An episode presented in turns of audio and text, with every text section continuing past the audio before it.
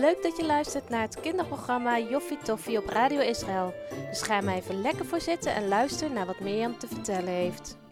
Hallo lieve kleine mensen en grote mensen.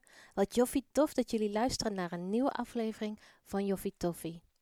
Weten jullie nog dat we vorige keer geluisterd hebben naar het verhaal van Omri en hoe hij door de woestijn moest reizen en dat hij dat best wel moeilijk vond? Nou, vandaag gaan we verder luisteren. Maar ik heb jullie ook gezegd dat ik jullie graag wat meer wil uitleggen over de Sabbat en wat er over in de Bijbel staat. En daarom ga ik vandaag lezen uit Exodus. En dit vers lijkt heel erg op wat ik vorige week gelezen heb uit Genesis. Maar dit is een boek verder in de Bijbel, Exodus.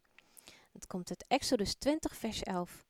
Want in zes dagen heeft de Heere de hemel en de aarde gemaakt, de zee en al wat erin is. En hij rustte op de zevende dag. Daarom zegende de Heere de Sabbatdag en heiligde die. We lezen dus dat God de Sabbatdag heiligt. Maar wat betekent dat nu eigenlijk, heilige? Nou, heilige betekent eigenlijk apart gezet worden. En de Sabbat is anders dan alle andere dagen. Net als bijvoorbeeld je verjaardag, dat is ook een andere dag, het is een speciale dag. Zo is de Sabbat ook een speciale dag. En God heeft gezegd dat er een heleboel dingen zijn die heilig moeten zijn. Niet alleen de Sabbat, maar ook de feestdagen die God uitgekozen heeft. En in het Eerste Testament worden dieren soms ook heilig als ze aan God geofferd worden. Maar God heeft ook zijn volk, het volk Israël, geheiligd. Hij heeft gezegd: Dit is een speciaal volk, dit zet ik apart. Maar hij heeft ook gezegd dat jij en ik, als wij Hem koning maken over ons leven en Hem aannemen als onze Heer en Redder, dat wij dan ook heilig zijn. Wij zijn ook apart gezet, jij en ik. We zijn speciaal. Dus heilig zijn betekent niet dat je een heilig boontje moet zijn of zo. Maar als Yeshua de Heer van je leven is, dan ben je al heilig. Dan ben je al apart gezet en speciaal, of je het nou leuk vindt of niet. Maar God heeft jou en de Sabbat niet zomaar heilig gemaakt. Hij hoopt ook dat we er wat voor terug doen.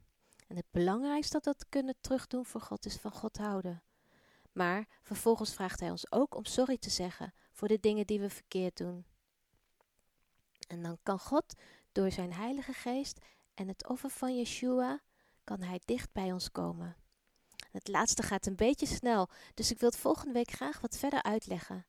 Maar nu gaan we eerst maar eens luisteren hoe het verder gaat met het verhaal van Omri.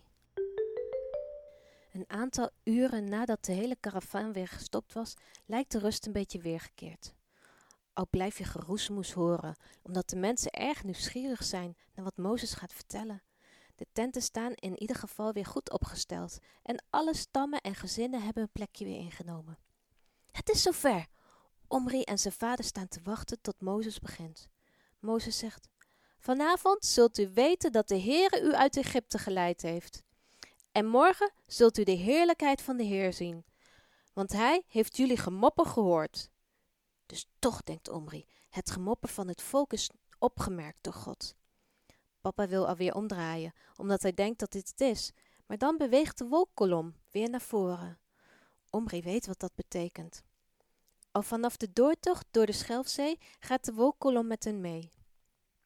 Mozes gaat nog meer woorden van God spreken. Wat? Hoort Omri dat nou goed? Vertelde Mozes nu net dat er kwartels aankomen vliegen? Dat zou heerlijk zijn. Vlees, gebakken of gekookt. Oh, daar heeft Omri wel zin in. En nu zegt Mozes ook nog dat er ochtends brood komt. Pap, we krijgen eten van God. Omri voelt zijn maag een beetje knorren. Hij kan het brood haast proeven. Wat heerlijk. Hij kan niet wachten tot het zover is. Mozes is klaar met spreken. De wolkkolom heeft zich weer wat teruggetrokken. Omri en zijn vader willen juist weer terug naar de tent lopen als ze in de verte een donkere wolk zien. Een wolk waar storm en regen uitkomt. Alleen komt deze wolk wel heel erg snel hun kant op. Dit is geen storm of regen. Nee, dit zijn de kwartels die God zou sturen. Overal om hen heen vallen de kwartels op de grond. Het is best een beetje apart om mee te maken. Omri en zijn vader rapen er een paar op en nemen ze mee naar de tent. Daar kan mama vast iets lekkers van maken. Omri fantaseert al over de heerlijke broodjes die morgenochtend uit de lucht komen vallen. Want als God het vlees heeft gegeven waar het volk zo naar verlangde, dan komen die broodjes morgen vast en zeker ook. Ik hoop dat er ook een broodje gezond bij zit, mama. Mama kijkt hem vreemd aan. Wat, lieverd? Oh, ik zei dat ik benieuwd ben naar het brood morgen. S'avonds eten ze met elkaar een heerlijke maaltijd van gebraden kwartels. Iedereen smult ervan, maar Omri nog het meest. Hij likt zijn vingers erbij af. Dan, dat levert hem wel een standje op van vader.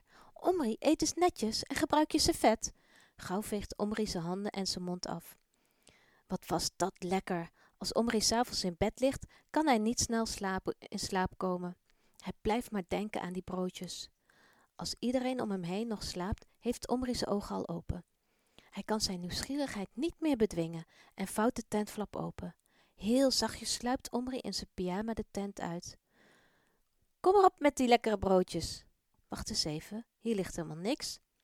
Misschien toch even wat verder kijken. Of zou het te vroeg zijn? Het enige wat hij ziet is de dauw, die ochtends nog op het land ligt. Het lijkt een beetje op mist. Net als Omri weer terug wil gaan naar de tent, valt hem iets op. Hij ziet dat de dauw als een soort kleedje langzaam wegtrekt. Wacht eens even. Toch nog maar wat verderop onderzoek uit. Omri heeft namelijk nog steeds erg veel zin in een lekker broodje. En wat hij dan ziet? Overal liggen witte vlokken. Nee, geen sneeuw, dat ziet er anders uit. Inmiddels zijn er meer mensen hun tent uitgekomen. Niemand weet wat het precies is. Omri besluit het gewoon wat te proeven. Hij pakt wat vlokjes tussen zijn vingers en ruikt eraan en stopt het in zijn mond. Het smaakt een beetje zoetig, best wel lekker. Niet echt de broodjes waar hij op gehoopt had, maar waarschijnlijk kan zijn moeder hier wel iets lekkers van maken. Hij neemt een hele hand mee naar hun tent en geeft het aan moeder. Precies zoals Omri dacht, bakt moeder er een soort koek van. Ook andere mensen zijn druk bezig met het bakken van koeken. Wat lekker, mama. Omri eet er een aantal op tot hij helemaal vol zit. Wat een geluk zeg! S'avonds heerlijk vlees van de kwartels en overdag smakelijke koeken. Omri denkt aan zijn poppetjes, die nog steeds veilig in het blikje in zijn zak zitten. Hij wist wel dat die poppetjes zouden helpen. Mozes heeft het volk later ook nog toegesproken. Het brood is van de Heere. Ook zijn er instructies over hoe het geraapt moet worden. Je mag elke dag pakken, binnen een bepaalde tijd, voor wat je die dag nodig hebt en niets overhouden voor een volgende dag. Omri heeft het ook gehoord. Maar, denkt hij, als ik nou wat extra's in mijn blikje stop, dan hoef ik morgen niet zo vroeg uit bed om manna te gaan rapen. Papa en mama hoeven dat niet te weten. Hij zag meerdere mensen hetzelfde doen, dus het zal heus niet zo erg zijn. Manna betekent, wat is dat? De mensen kenden het niet en gaven het zo de naam aan de witte vlokjes.